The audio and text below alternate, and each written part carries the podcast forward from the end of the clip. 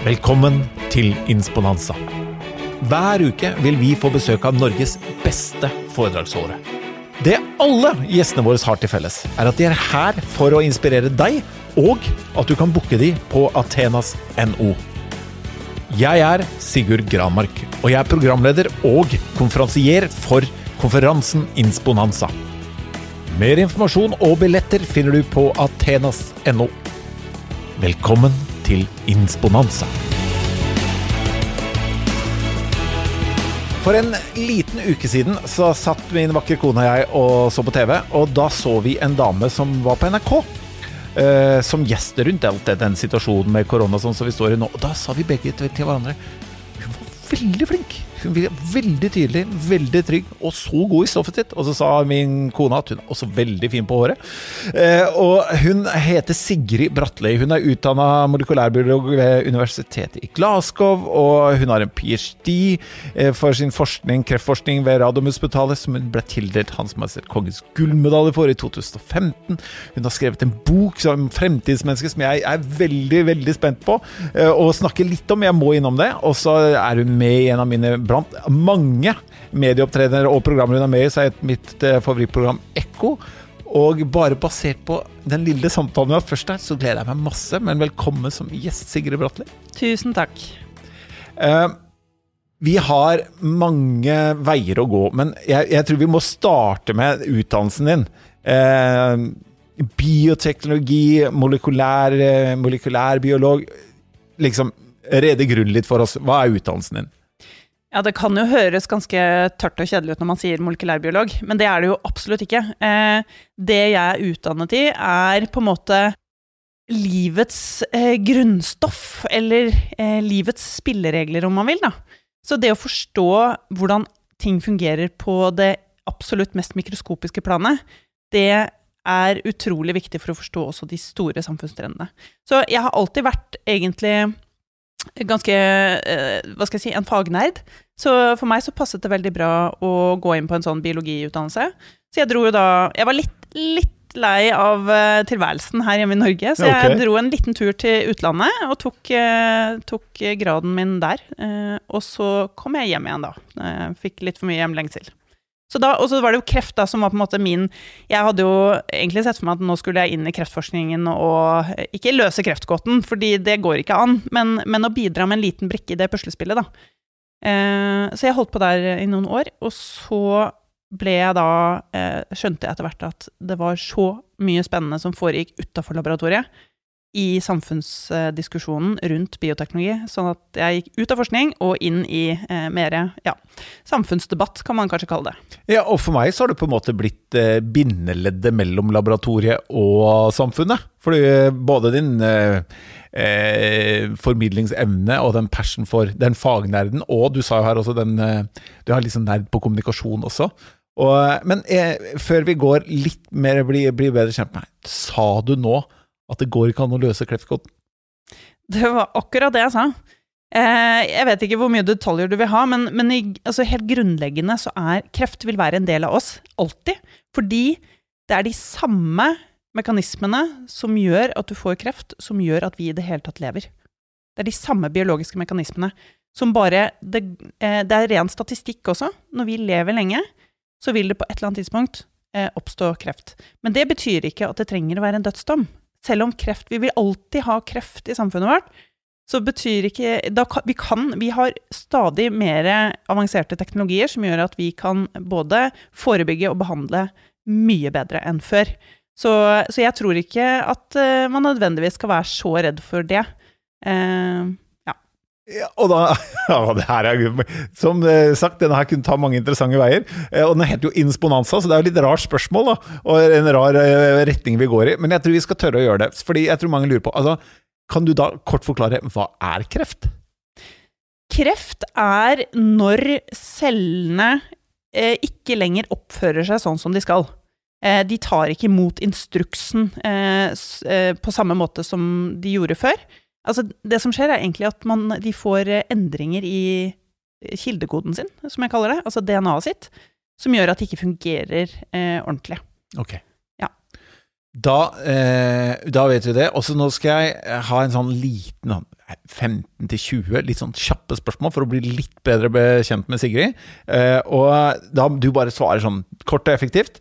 Eh, hobby nå? Jeg liker å eh, få barn til å engasjere seg i forskning, så jeg driver med sånn forskerprosjekt for barn. Det er min Ah. hobby. Kult. Eh, Hva skulle du bli når du ble stor? Jeg bestemte meg faktisk for eh, det å begynne å forske på kreft da eh, min farfar fikk kreft. Så det, Ah. da var jeg tenåring. Wow, Mm. det er eh, Men før det hadde jeg ikke peiling. Ja, det var mm, spennende. Eh, hva er det du vet nå som du ønsker at du visste som tenåring? Jeg tror Åh, Det var vanskelig. Jeg tror at eh, jeg nok Det at jeg ikke Altså, det å være litt naiv, at det er greit, på Mm. en måte. Mm. Ikke være så bekymra, og bare liksom la ting skje lite grann, da. Mm. Eh, når man er eh, ung og bekymringsløs. Det kommer nok av bekymringer når man blir større. Ja, og vet du hva, jeg synes det, det er akkurat dit jeg håpet du skulle gå, at det var det du la i det. For jeg, jeg tror også det gjelder voksne. Altså den derre øh, ja, Øystein Pølsa Pettersen, som også har vært gjest i den podkasten her, og er foredragsholder hos Atenas, vi har et sånt uttrykk som vi er enige om, altså fuck it. Altså, litt sånn der, om du bruker ordet naiv, vi trenger ikke å være så bekymra. Jeg er helt enig. Hva provoserer deg? Folk som tror de vet masse. Fordi i virkeligheten så vet vi jo egentlig veldig lite. Og som tror de har svarene på alt. Kan være helt enig. Gleder deg? Hva gleder deg? Det er veldig mye som gleder meg. Eh, det blir nesten litt vanskelig å velge. Men jeg Bare det å ha en halvtime på kvelden som det ikke skjer noen verdens ting, og som jeg bare kan sitte ned med barna i armkroken. Nå kommer det litt sånn A- eller B-svar. Eh, film eller bok? Film. Kunst eller idrett? Ingen av delene. SMS, SMS eller ringe? Eh, SMS. Lede eller bli ledet? Bli ledet. Lytte eller snakke? Snakke. Inspirere eller bli inspirert? Begge deler. Hvem er din største inspirasjon? Min aller største inspirasjon eh, Det er en, en tidligere sjef av meg, faktisk, eh, som, som fikk meg til å vokse skikkelig i, i min rolle. Han er veldig inspirerende. Han heter Harald Stenmark. Bra Harald Stenmark. Mm. Bra navn, da. Ett navn. Mm. Stenmark. Eh, bare for å gjøre det Jeg føler jeg har stilt deg noen litt sånn eh, ting du må se, eh, tenke over. Du skal få ett til. Hvis du kunne feste ett råd Du er opptatt av det som du har med barn og forskning. Hvis du kunne gitt, feste ett råd da, i et barns eh, hode eller eh, i barns sinn, hvilket råd ville du gitt til barn da? Dette er det ene rådet jeg kan gi deg. Ikke mist nysgjerrigheten. Mm. Det, vi er helt nødt til å beholde den nysgjerrigheten for å finne eh, ut av ting, og for å eh, måtte drive samfunnet framover. Og jeg tror det, det å holde på det, det er utrolig viktig. Eh, og du virker jo som en nysgjerrig person, da. Hva er du er nysgjerrig på om dagen? Hva er det du brenner, hva er det som opptar eh, Sigrid om dagen? Oh ja, det er veldig mye. Altså Akkurat nå om dagen så er det jo Det er jo for så vidt det samme som de fleste andre er opptatt av, det er jo korona. Men jeg har en spesiell interesse i det, fordi at jeg er nysgjerrig på eh, hvordan det som jeg kan, som er biologi, eh, kan påvirke hvordan vi håndterer situasjonen vi står i nå. Og der har jeg jo en del å bidra med. Kom igjen. Ja, blant annet så er det jo Nå lever vi jo med disse virusmutantene, da. Som alle er opptatt av. ikke sant? Og ordet mutant i seg selv, det er sånn Tenker kanskje på en skrekkfilm eller et eller annet sånt noe. Men det er jo ikke sånn. Eh, mutasjoner, det er, eh, det er, det er det livet på jorda består av. Det er mutasjoner og endringer. Og hvordan det påvirker oss. Så disse virusmutantene de kommer til å komme mange, mange flere av. Vi, er, vi har bare sett starten på det. Men det betyr ikke at ikke vi kan håndtere det. Hvis vi nå forbereder oss godt som samfunn, så kan vi også omstille oss i takt med at viruset utvikler seg. Hvordan forbereder, forbereder vi oss godt, da? Hva er det vi gjør da? Eh, ja, det ene er jo å forstå hvorfor det som skjer, skjer, eh, og hva det betyr. Det betyr blant annet at eh, selv om vi nå begynner å, å få liksom, vaksiner og sånn, så betyr ikke det at vi skal senke garden helt. Vi må fortsette å drive smitteforebygging, f.eks., for eksempel, fordi at det i seg selv gjør at det blir mindre eh, virusmutanter. fordi jo mindre den får smitta og, og reprodusert seg, jo færre mutanter blir det. Så sånne ting som det, at folk forstår litt hvorfor. Og så disse vaksinene som man jo er litt sånn redd for at kanskje ikke virker så godt mot en del av de virusmutantene. Og det stemmer, de, de kommer ikke til å virke like godt. Eh, men da har vi faktisk muligheten til å endre på de vaksinene og lage tilpassede vaksiner. Så det er håp. Det er håp der. Vi må bare forstå hva som skjer, og så må vi til, tilpasse oss det. Den utviklingen som går nå. Og den utviklingen, altså det her er jo kjempedeilig å ha en fagperson på, fordi jeg sier jo til de fleste ledere eller alle ledere jeg snakker med som spør meg, da Jeg jobber jo mye med, med organisasjoner. Når de spør eh, ja, hva, hva, skal vi svare, og hva skal vi kommunisere, så jeg tror, jeg tror det klokeste du kan svare, er 'jeg vet ikke'. Fordi vi vet veldig lite om det. Men du har jo noen tanker. Altså nå, hvis du sier februar 2020 eh, står vi nå Hvor lenge Nei, 2021 eh, står vi nå. Hvor, hvor lenge har vi dette her? Hva tenker du? Dine estimater? Jeg tror vi aldri blir kvitt det. Mm. Det er kanskje nedslående for noen. Men jeg tror, eh, når vi kommer noen år fram i tid nå, så tror jeg at vi fortsatt har covid-19 med oss, men at det har blitt en helt annen situasjon. Det har blitt en del av den sekken med, med sykdommer som vi jo har, altså f.eks. influensa. Og vi har jo fire-fem andre koronasykdommer som er i eh, Som vi lever med, men som da forårsaker sånne smittebølger, men som ikke ødelegger samfunnet på samme måten. Jeg tror det er dit vi må. Så blir det tyverinovirus? Sånn, bare type vanlig forkjølelsesvirus eller et ja. influensavirus? Ja, ja, jeg tror vi skal dit. Men det er jo en tung vei dit, som vi må håndtere på best mulig måte. Eh, og det, en del av det er jo å forstå og prøve å forutsi hvordan det viruset kommer til å utvikle seg. Og det har vi faktisk skikkelig gode metoder for å gjøre, også hvis man trekker inn f.eks. kunstig intelligens. da som kan hjelpe oss å modellere og se hva er sannsynlig nå. Hvordan kommer dette viruset til å utvikle seg videre? Så kan vi kanskje være litt i forkant når vi planlegger da, eh, tiltak og forsvarsvåpnene våre. Og um, hvordan To ting. Hvordan bruker vi kunstig intelligens til det? Det er jo kjempespennende. Og to, uh, Athenas, da, som du er foredragsholder hos, uh, det de blir nedringt av om dagen, det er uh, hjelp oss å motivere folk på hjemmekontor. Kunstig intelligens Eh, hvordan kan vi, det bidra til løsning? Spørsmål to, hvor lenge blir folk sittende på hjemmekontor? Ja, eh, kunstig intelligens, altså det er jo, eh, det er jo et verktøy eh, som hjelper oss på en måte å eh, sortere rundt i masse, masse informasjon, ikke sant. Og nå har vi ganske mye informasjon etter hvert om dette viruset. Eh, som man da kan på en måte kjøre gjennom en sånn kunstig intelligens, og så kan den gi oss da en eh, sannsynlighetsberegning for hva, hvordan, gitt det som har skjedd, hvordan vil det gå videre. Eh, så det den blant annet, det forskere har gjort, er jo å forutsi nøyaktig de mutasjonene som nå har kommet. Det visste vi egentlig, ah. fordi at en kunstig intelligens har fortalt oss det. At den, akkurat den mutasjonen er veldig bra for viruset. Ikke sant? Så kan vi, vi kan fortsette med det. Vi kan se nå sant, hva som skjer, hvordan det utvikler seg. Så kan den hjelpe oss å forstå hva kan vi forvente i framtida. Og da kan vi være mye mer forberedt enn vi har vært. Så det er jo kjempe, kjempebra at vi har en del sånne eh, verktøy. Så du sier den kunstig intelligensen var sånn spesifikk. Er det et forskningsmiljø? Er det et uh, tech-firma?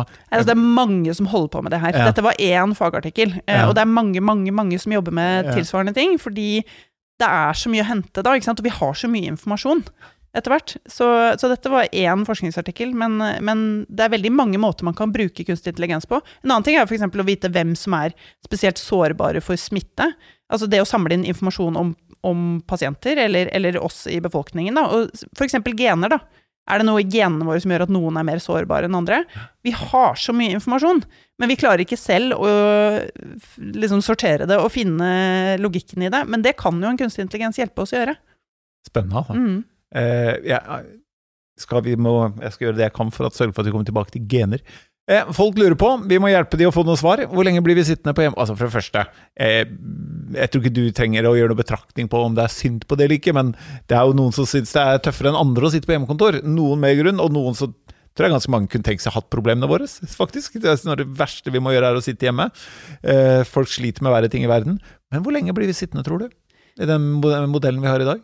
Det er veldig vanskelig å spå. Det avhenger av så mange ulike faktorer. Men jeg er jo, selv om jeg ser at vi må leve med korona lenge, så tror jeg at ting vil se vesentlig bedre ut om noen måneder.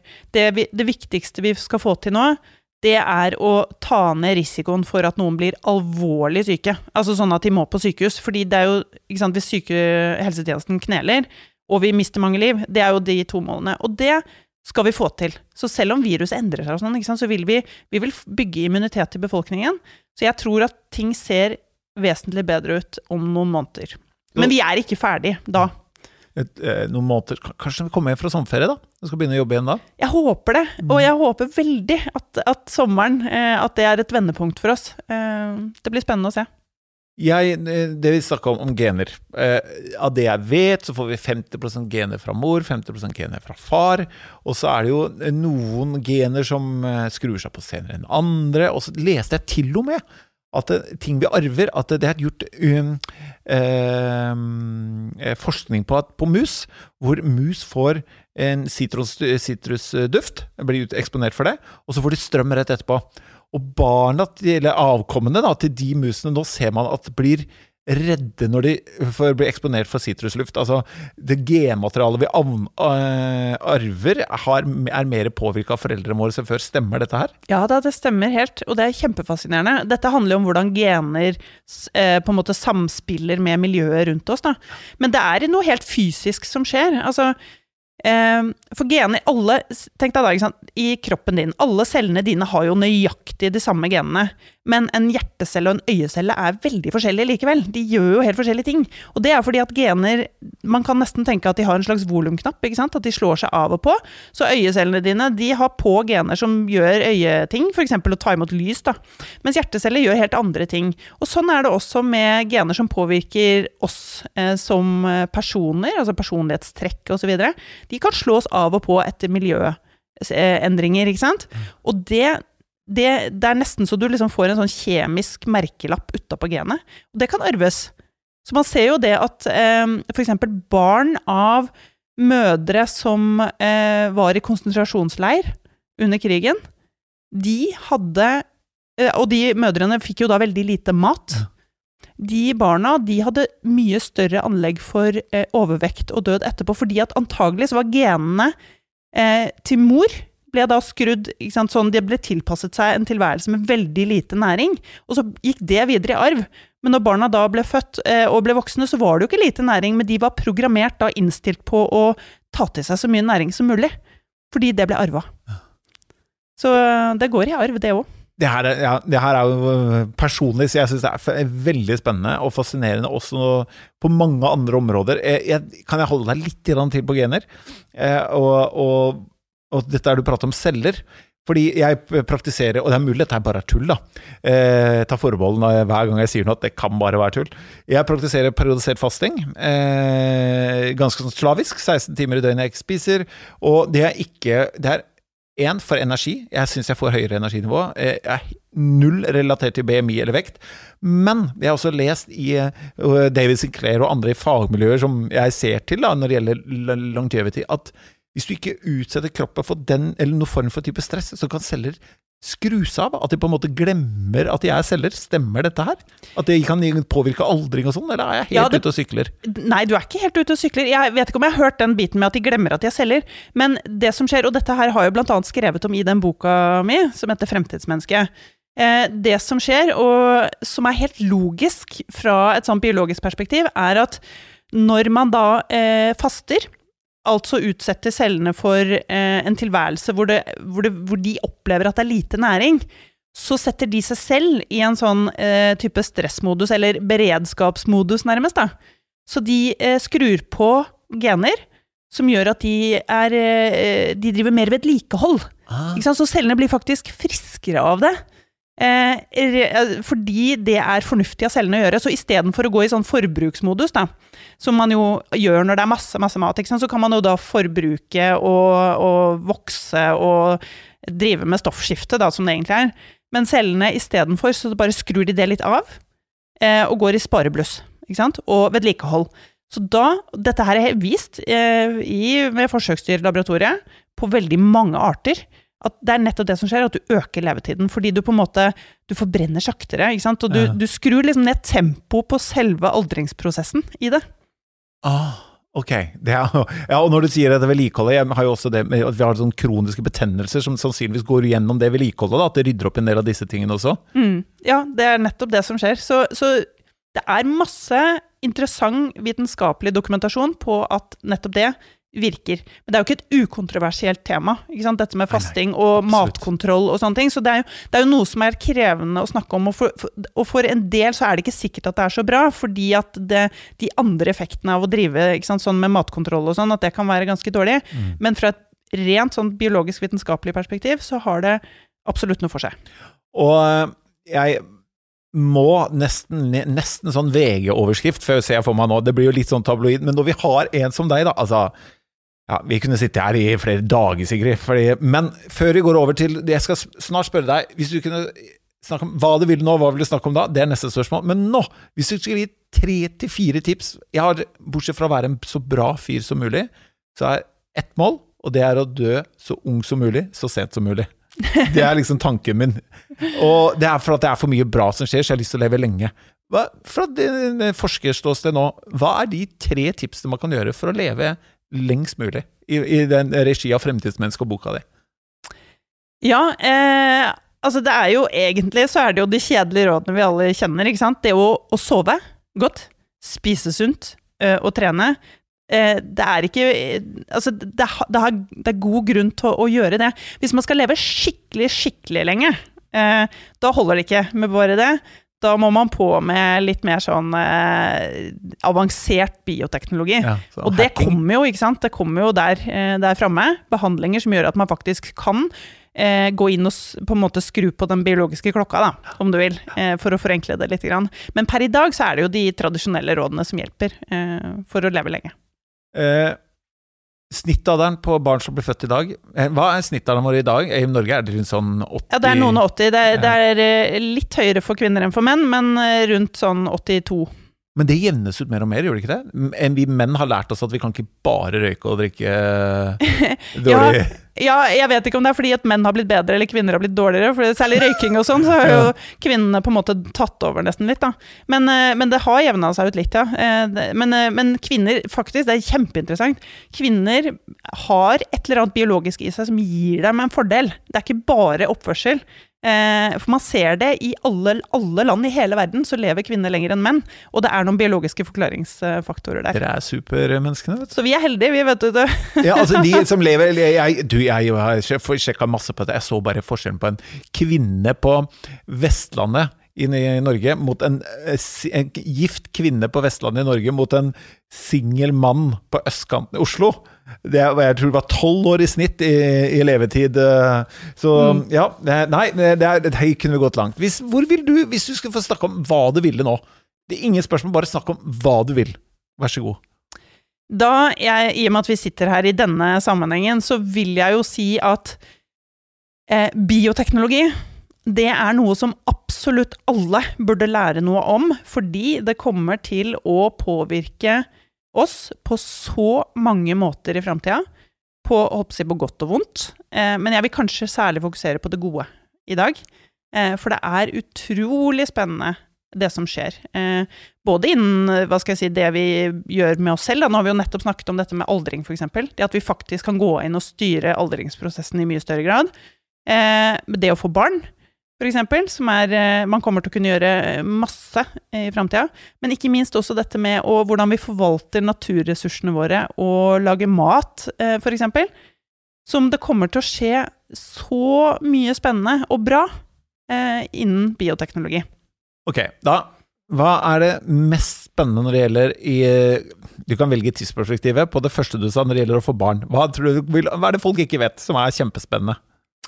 Det folk ikke vet, er at eh, vi antagelig snart vil kunne gjøre det mulig å få at to likekjønnede får barn. Eller den samme teknologien kan jo faktisk brukes i teorien til å få barn med seg selv, da, hvis man vil. Biologiske barn. Og, når du sier ganske snart, er det 15 år? 10 år? Teknisk sett 10 år, kanskje. Hvordan gjør man det? Da tar man Fordi vi kan omprogrammere cellene.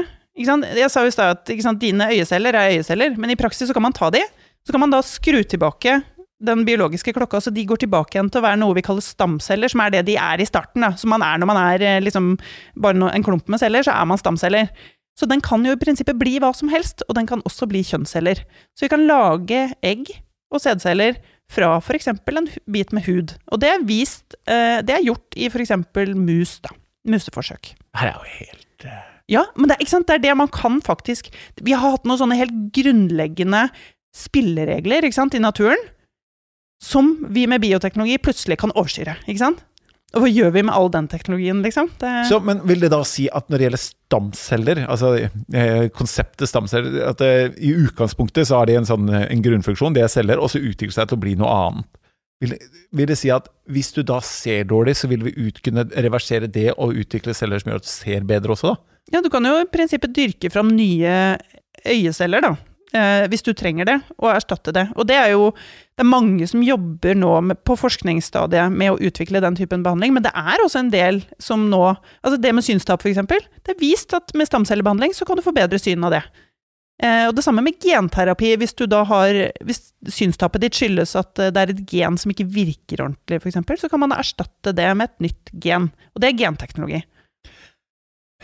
Herregud, så spennende. Spørsmål to da. Eh, dette var mat, og det andre var jo dette Nei, dette var eh, barn i fremtiden. Det du sa med mat i fremtiden, hva er det vi Som de fleste ikke vet, som vil overraske oss sterkt om hva som kommer?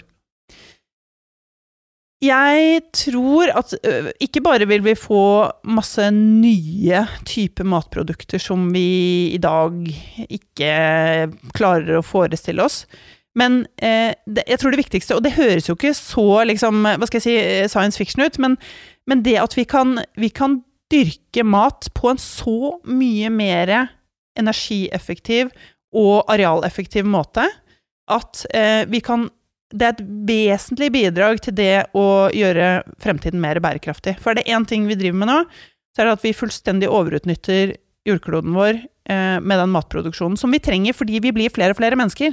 Vi, vi, kan ikke slutte å lage mat. Men det er så ineffektiv måte å gjøre det på at vi da eh, Vi pløyer jo ned alt, ikke sant. Eh, men det Vi har en måte å løse det på, og det er med genetikk. Det er med plante- og dyregenetikk. Å bruke genteknologi til å da målretta eh, utvikle det, sånn at vi gjør ting mer bærekraftig. Vil det si at For du samarbeider jo med, med Landbruks-Norge, for å si det sånn. Med, med øh, den, eh, det romantiske bildet man har av øh, den norske bonden på jordet, sitter på traktoren. Er, er siste generasjon der født? Nei, absolutt ikke, for dette går egentlig hånd i hånd. Det å ta, også samtidig ta vare på, på måte, de prinsippene vi har i norsk landbruk, som er veldig bra. Altså i forhold til eh, Vi har jo ikke det derre industrielle husdyrholdet på samme måten som man har mange andre steder, ikke sant. Og det å, å, ta vare på det samtidig som man bruker ny teknologi, det høres kanskje ut som det er to helt forskjellige ting, men det trenger ikke å være det. Nei. Man kan eh, bruke Ta det beste fra begge verdener å bruke det. Sånn at vi f.eks. kan da utnytte alle de enorme gressarealene våre til eh, beitedyr da, fortsatt i framtida. Selv om man har da beitedyr som er mye eh, bedre genetisk, ikke sant? og har bedre dyrehelse, ikke minst. Og hvis vi tar eh, Nå har vi tatt mat, vi har tatt litt den menneskebiten og de menneskene som skal bli født. Og vi har jo satt oss noen klimamål. Vi skal halvere utslippene innen 2030, de skal være borte i 2050. Bioteknologi inn i bærekraft, hvordan eh, Har det noen effekt, eller hva tenker du? Det kommer til å ha kjempestor effekt. Eh, og, men det som er utfordringen her, er at det er, litt, det er jo kontroversielt, ikke sant? Det å bruke bioteknologi og genteknologi inn i en sånn mat- og naturkontekst, det er det jo veldig, veldig mye samfunnsdebatt om. Så det er jo ikke egentlig det teknologiske det står på, hvor, hvilken rolle det får. Det handler om om vi klarer å ha gode og fornuftige samtaler om den typen teknologi i framtida. Det er noen gode tegn, men det er fortsatt utrolig polarisert. Vi ser jo at uh, særlig en del sånne aktivistorganisasjoner og sånn er jo ja, de er, det, er, de er, det, er, veldig eh, betente diskusjoner eh, politisk sett, da. Ja, for det er ikke etiske, det er politiske. Altså, ofte når det er politiske, så er det egentlig økonomiske, for man beskytter jo forskjellige forskjellige både når man skal eh, sanke stemmer, eller eh, hvem, hva Norge er, hva grunnlaget vårt økonomiske er. Er det den retningen vi går, eller hvor, hvor eh, lugger diskusjonen hen? Det er jo på litt ulike plan, men absolutt. Jeg tror på en måte det populismen eller Det er jo en del ideologi inni her, ikke sant. Og jeg tror nok det vil være viktig å ta litt tak i det, fordi vi har jo fornuftige politikere i Norge og andre steder.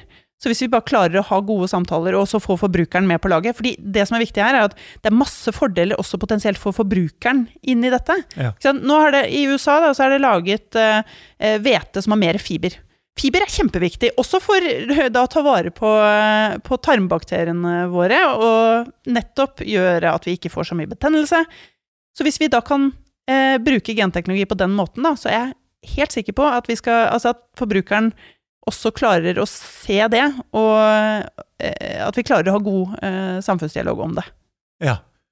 Og eh, når det gjelder eh, typ sånn eh, Ole Petter Gjelle, som har vært gjest her, eh, han jernforskeren, han sa liksom han, Eller han sa det ikke her, jeg har hørt han si tidligere at eh, hvis du kunne tatt en pille som hadde gitt deg eh, overskudd, den hadde gitt deg eh, mindre psykiske problemer, den hadde gjort at du ble lett nok god kondisjon, bla, bla. Hadde du tatt den da? Ja, den heter trening og kosthold. Eh, er det sånn at vi vil i fremtiden også på den, når du er ferdig med dette matprosjektet, ha en type sånn supermat? Ikke bare, ikke bare fremdyrkelsen av den, men det vi faktisk spiser. Vil det være sånn vil overvekt og 70% av, leste jeg, av dødsfallene i EU er livstidsrelaterte. Eh, vil livstidsrelaterte sykdommer bli borte, tror du? De vil ikke bli borte i det hele tatt, fordi det handler om veldig mye mer enn akkurat hva vi putter i munnen. Men det er klart det vil kunne bidra. Det er jo mange, mange ting man kan løse eh, med bioteknologi i mat. Men, det, men det også, forskere har jo også laget nå noe som minner om en slags treningspille. Eh, hvor eh, man da eh, blant annet kan gi melkesyre. Visste du at det er eh, en eh, Hva skal jeg si det, holder hjernen din eh, frisk og ung, da. Melkesyre. Så etter du har trent, det er noe av effekten du får, er at melkesyra strømmer opp hjernen og stimulerer vekst av nerveceller i hjernen. Så da, for å etterligne den effekten, så kan man i prinsippet da injisere eller eh, ta en pille med melkesyre, på en måte, da. Og det er det forskere håper. Eh, men du vil jo ikke få selv om du da får den effekten, som, altså den positive effekten av melkesyra, så får du jo ikke alle endorfinene og alt det andre du får når du trener, så du kan aldri erstatte det helt. Hvorfor Jeg har lest altså jeg, jeg, Svaret er nei. Jeg visste ikke at vi fikk eh, en effekt i hjernen av melkesyre. Men jeg har lest liksom eh, Jeg klarer ikke helt å huske hvorfor, men jeg har lest en gang hvorfor vi har det.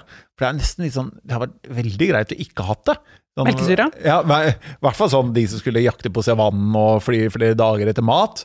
Men hva er, hva er, melkesyre? Det er jo egentlig bare et biprodukt av eh, når cellene lager energi. Og energi trenger vi jo for å bevege oss i det hele tatt. Ja. Så det er jo bare en sånn eh, Ja, et, man har jo ansett det som et avfallsstoff, da, ja. på en måte. Men nå har man jo også skjønt at det har en sånn en funksjon. Ja. Så når man da sliter seg på, ut på tredemølla der, så kanskje det kan være en liten motivasjon, da at det, eh, det har faktisk gunstige helseeffekter, også den rene melkesyra. Bra. Eh, hvis du kunne, eh, Nå er jeg litt disse rare spørsmålene, som ikke er så forsker helt konkret. Hvis du kunne fått mulighet til å gå tilbake i tid og endre på én ting i verdenshistorien, hva vil du endre på? Oi um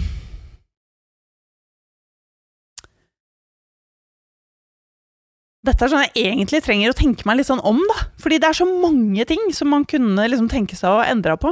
Ja, men blir, blir, litt kjedelig for lytteren, tror jeg. ja, det tror jeg også. Eh, altså, det, det nærliggende er jo å tenke seg at man ville kanskje gjort noe med Hitler. Eh, men eh, ja, jeg tror, eh, jeg tror, nok det. Hvis vi hadde tatt han ut av regnestykket på en eller annen måte. Eller gitt han en, kanskje en litt uh, Fått han litt på andre spor i livet. ja, så, så, kunne det kanskje vært en fordel, da. Apropos gener, kanskje gitt en noen andre gener. Men hvis det er litt uh, mer overvært, da. Hvis du kunne overvært en hendelse i verdenshistorien, hva ville du overvært? Kanskje skapelsen? Jeg vet ikke. Skapelsen. Jeg tror ikke det var et sted man ville være, akkurat. Nei, jeg vet ikke. Det er fordi jeg antar du kanskje det var, tror det er det var egentlig bare en sånn suppe med, med ting i starten, så jeg tror ikke det var så veldig spennende, egentlig. Eh, nei, jeg tror eh, Altså, hvis jeg kunne overvært det uten å selv på en måte stått i faresonen, så ville jeg den der eh, meteoritten som tok ut dinosaurene, og sett hva som egentlig skjedde. Ja, Det kunne jeg tenkt meg. det, ja. Og ehm, hva tror du skjedde? Nei, altså, det var jo et, eh, et kjempebrakk, eh, og som fikk så store konsekvenser for den livsformen at de døde ut. Men det å kunne faktisk se hva det var som egentlig skjedde Det, er jo litt strid om hvordan det egentlig gikk til, dette her. Så å kunne svart på det, det hadde vært veldig fint. Ehm, jeg, skal, jeg må ta ett til uh, av disse her ehm. Hvis du skulle jobbet med noe hvis, hadde jo du et ganske sterkt motiv med tanke på, på bestefaren din, men hvis du skulle jobbet med Hvis all lønn da var borte, all status var borte, og vi bare typ, mottok lik borgerlønn, og ingen brød som var andre, hadde du jobbet med det samme, eller hva hadde du gjort i dag? Helt klart. Ja, altså, jeg gjør ikke dette for pengene. eh, altså, jeg kun, det jeg kunne ha gjort, er å gå og jobbe i industrien, altså legemiddelindustrien f.eks. Hadde det vært for pengene, så kunne jeg gjort det. Men det er ikke derfor jeg gjør dette. Jeg kunne fint eh, levd på en, eh, si, en flat eh, lønn, og det som driver meg, er ønsket om å gjøre noe bra. Eh, og bidra til å bygge kunnskap og, og få til noe bra. Eh, Og når du en dag henger eh, hatten på kroken, og det er slutt, hva vil du bli huska for? Hva er noe bra? Hva, skal du ha oppnådd for at du sier 'jeg nådde det jeg hadde som mål'? At jeg er At folk anerkjenner at jeg har gjort en forskjell i forhold til hvordan vi nå, som vi står i et sånn vendepunkt, hvor vi må bestemme oss for hvordan liksom, den bærekraftige framtida skal se ut, at jeg har bidratt til det. At vi tok en riktigere kurs enn vi ellers kunne ha gjort. Og hvis du lykkes med det, så har det jo i hvert fall vært med å gjøre en forskjell. Hva er fremste hinderet, mener du, for at vi skal nå halvering av utslippene hvis eh, vi følger EUs eh, mål da, i eh, 2030? Jeg tror det er endringsvegring. Det å ikke tørre å ta spranget, fordi vi må gjøre så store omstillinger for å få det til, at eh, det, det krever ganske mye av oss som samfunn, og at eh, man da tviholder litt for mye på gamle måter å gjøre ting på. Frykten for det ukjente. Hvis du tar det samme som vi tok på når det gjelder å få barn og det gjelder mat hva, om, hvis du, går, du kan velge tidsperspektiv igjen. Hva er den største overraskelsen vi vil få når det gjelder bærekraft? Tror du? Enten måter vi gjør ting på, eller smeller vi går på fremover? Eh, dessverre så tror jeg vi vil innse at eh, den eh, litt sånn ødeleggende kursen vi er på, går fortere enn det vi har trodd. At vi har dårligere tid enn det vi har trodd. Mm. Og at det skal ganske mye til å klare å snu båten fullstendig Ja. eh, rundt. Men det betyr ikke at vi ikke skal prøve. Nei, vi må jo det. Vi må det. Og som jeg også har sagt, så er det jo vi, det, Den teknologiske utviklingen går så fort at det kan godt hende at vi også i framtida får teknologier mellom hendene som vi i dag ikke helt klarer å forestille oss. Ikke sant? Og at vi faktisk kan eh, endre den kursen likevel, da. Men i dag så ser det jo litt skummelt ut. Men ligger utfordringen på uh, Skal jeg se om jeg klarer å dra i, dra i sammen resonnementet mitt. Ligger utfordringen på person, organisasjon eller nasjonsnivå? Hvor er det største? Alle. Alle.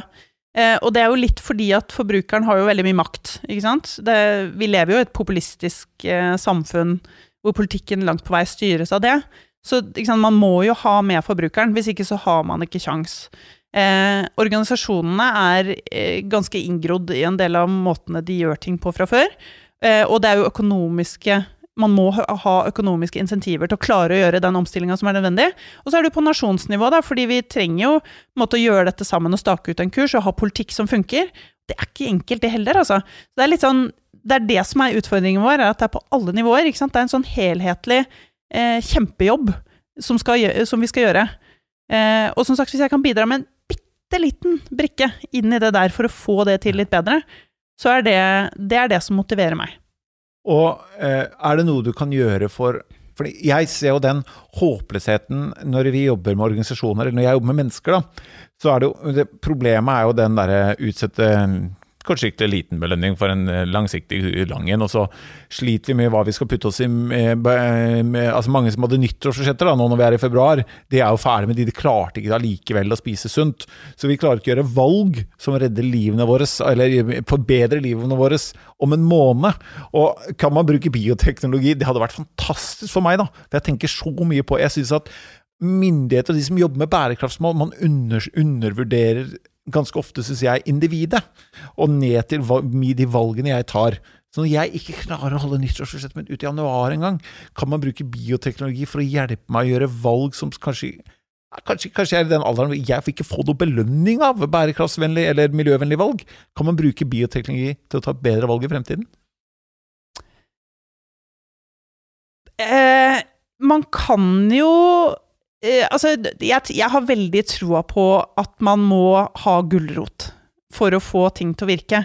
Så jeg tror Det, det er ikke nødvendigvis sånn at man må eh, på en måte forsake noe for å oppnå gevinsten, men man må jeg tror man må synliggjøre godt hva det er som faktisk er den gevinsten. Eh, fordi når det gjelder bioteknologi, så klarer ikke, vi klarer ikke å ha gode samtaler om det. Og det er jo selvfølgelig, man skal ikke overhype ikke sant? Og, og overselge ting, men gevinsten der framme er så stor, da.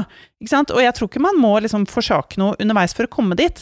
Så lenge man bare eh, klarer å synliggjøre for forbrukerne, for oss som individer, hvor det er vi skal, da. Ikke sant? Eh, og at det er motivasjon i seg selv. Ja. Ja, og jeg tror den motivasjonen er viktig. For øvrig så tror jeg, sånn som hvis vi ser med røyk nå, da. Eh, eh, I hvert fall i Norge, og det jeg har sjekket, så er det jo færre av de unge eh, snusen, dessverre. Eh, eh, I valget av to onder så virker det som snus er klokere. Eller mindre dumt, da. Men det er over én milliard mennesker på jorda som røyker fortsatt, og det står 'røyking dreper' på pakka. Mm. Men vi fyrer opp og bruker masse penger på å ta livet av oss.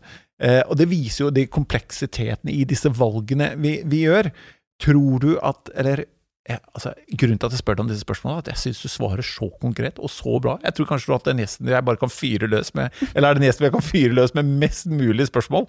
Så jeg syns det er så deilig, for du, du, svarer så konkret og bra. Jeg bare prøver igjen med, med, et, med ett til. Tror du faktisk at eh, jeg som er født på 70-tallet, og de som er først på, født på 80-tallet, at vi faktisk bare må få lov til å bli gamle, og så er det de unge som må fikse dette her, som er vokst opp med en helt annen kommunikasjon, og bare hvor mye vi preges av de vi har rundt oss, og det de har blitt eksponert for, blant annet av deg, da, med mm. valgene og forskningen og bærekraft. Både ja og nei. Eh, jeg tror til en viss grad at det blir sånn. Eh, fordi nettopp den vegringen mot endring, da, som jo jeg tror gjelder ganske mange, og at man er liksom eh, Man har noen ting med seg i ballasten ikke sant, som man er vanskelig å bli kvitt. Mens de unge som vokser opp nå, de har en helt annen forståelse av på en måte både teknologi, men også samfunn og andre holdninger, som jeg tror vil være nøkkel til å få til en del av de endringene. Samtidig så håper jeg jo at med litt eh, med, med, kunnskap, med mer kunnskap og litt bedre samtaler om teknologi enn det vi har hatt, da, særlig når det gjelder bioteknologi, så håper jeg også at det er en del av Jeg er også født på 80-tallet, så jeg, jeg, i den der bolken du nevnte, de, vi gamlingene At vi også kan vise at vi er villige da, til å ta de eh, stegene som faktisk kreves på vegne av de som kommer bak. Fordi selv om vi er optimistiske for dette aldringsfeltet, f.eks., og det at man kan leve lenger i framtiden, så er jo realiteten at vi skal jo dø. Eh, vi knekker ikke heller aldringsgåten med det aller, aller første. Eh, så, så, det at vi da etterlater oss den verden her i en litt bedre stand enn det Så vi har hatt fest, vi nå, vi som er født på 78 Vi har hatt fest i mange år, vi nå. Og nå er det på tide å liksom bli litt edruelig og ta litt ansvar da, på vegne av de som kommer bak. Jeg håper vi kan. Jeg håper også vi kan. Og um, før vi avslutter nå Kommer vi til å leve evig? Jeg tror aldri vi kommer til å leve evig, men jeg tror jo faktisk at mennesker kan leve vesentlig lenger enn man gjør i dag, i framtida. Kanskje, kanskje ikke jeg og du, men de som kommer bak, kanskje.